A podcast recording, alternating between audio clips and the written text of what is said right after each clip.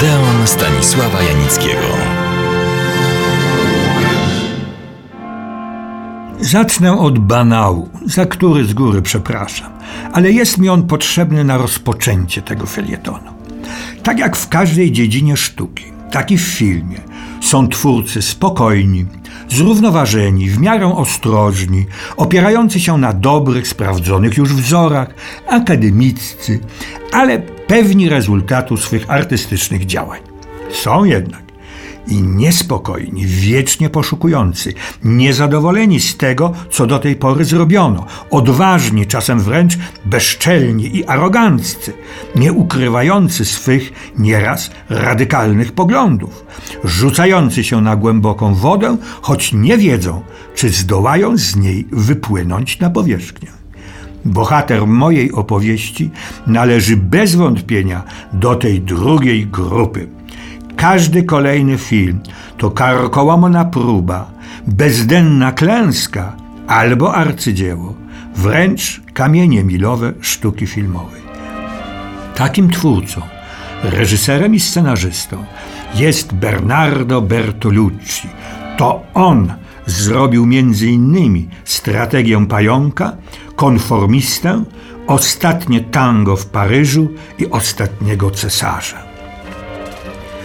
Urodził się w Parmie 16 marca 1940 roku. Jego matka była nauczycielką, ojciec uznanym poetą, historykiem sztuki i krytykiem filmowym.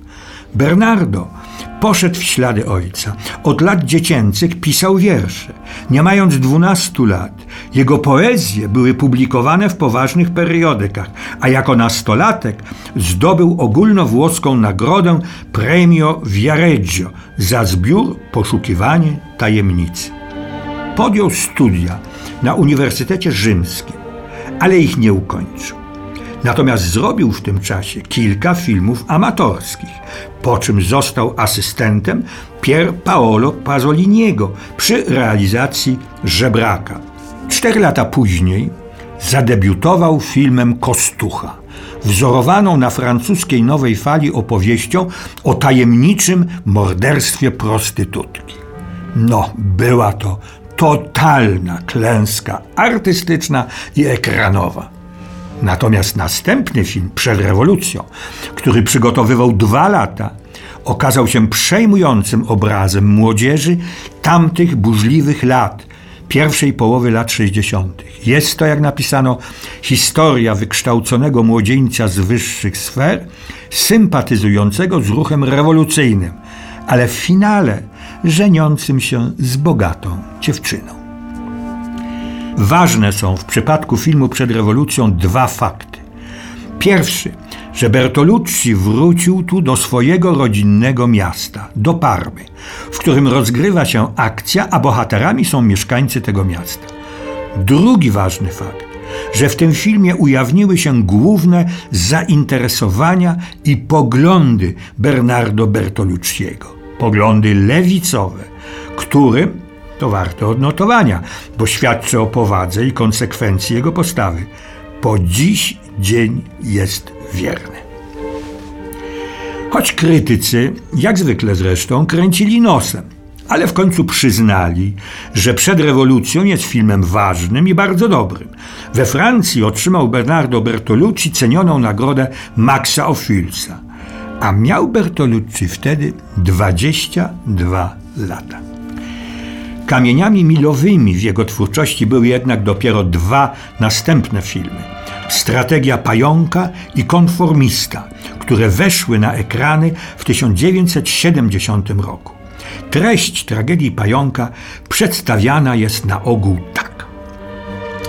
Atos, syn bohatera, zastrzelonego przez faszystów w 1936 roku podczas premiery Rigoletta, odwiedza swe rodzinne miasteczko nad Padem, by dociec, kto odpowiedzialny jest za zabójstwo. Mężczyzna na podstawie rozmów z niechętnymi mu mieszkańcami i dawną kochanką zmarłego odkrywa dramatyczną prawdę. Ojciec padł ofiarą swych towarzyszy, gdyż okazał się zdrajcą. przyznał się do winy, by sprowokować zabójstwo i na jego bazie zbudować swój bohaterski mit. Strategia pająka jest luźną adaptacją opowiadania Jorge Luisa Borgesa. I to jemu film zawdzięczał wizję świata, będącego zagadką, nie dającą się do końca rozwiązać, wyjaśnić. Drugi film, Konformista, był adaptacją zupełnie innego, też wybitnego i znanego pisarza, w tym przypadku włoskiego, Alberto Moravi. Tytuł filmu, Konformista, jednoznacznie charakteryzuje głównego bohatera. Został faszystą, ponieważ, jak to nazwano, chciał rozpłynąć się w tłumie. Ale taka postawa i taki światopogląd prowadzą do czynów niegodnych.